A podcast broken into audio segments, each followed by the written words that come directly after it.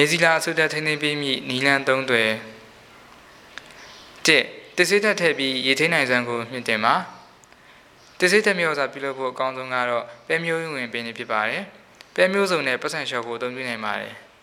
သုံးမိကျော်ရင်ထဲတိုးထဲမောက်ပြီး45ရက်အကြာမှာမြေဆွေးရရှိနိုင်ပါတယ်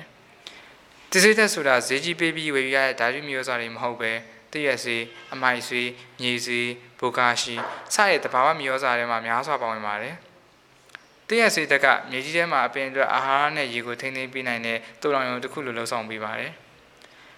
တစ္ဆေးတက်ဆိုတာတရက်တွေအပင်ပိုင်းစားတွေကအနုစီဝပိုးလေးတွေကြောင့်ဆွေးမြေပြီးဖြစ်ပေါ်လာတဲ့အစိပ်ပိုင်းလေးတွေပဲဖြစ်ပါတယ်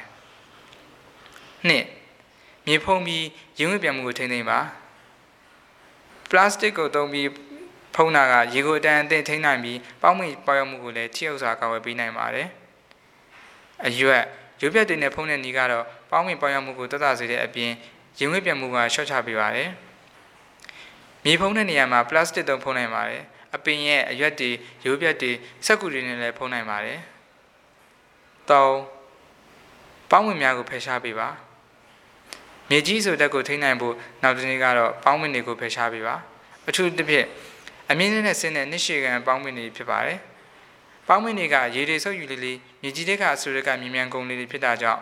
ပေါင်းဝင်တွေကိုဖယ်ရှားဖို့ကလည်းအရေးကြီးပြန်ပါတယ်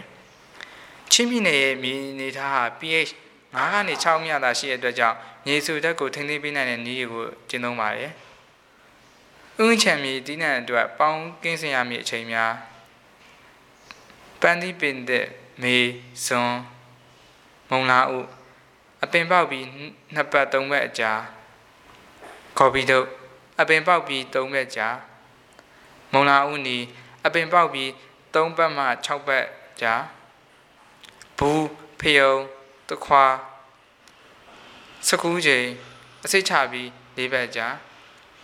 ဆက်လက်အပင်ဆိုင်ပြီး၃ဘက်ကြာကြက်သွန်နီ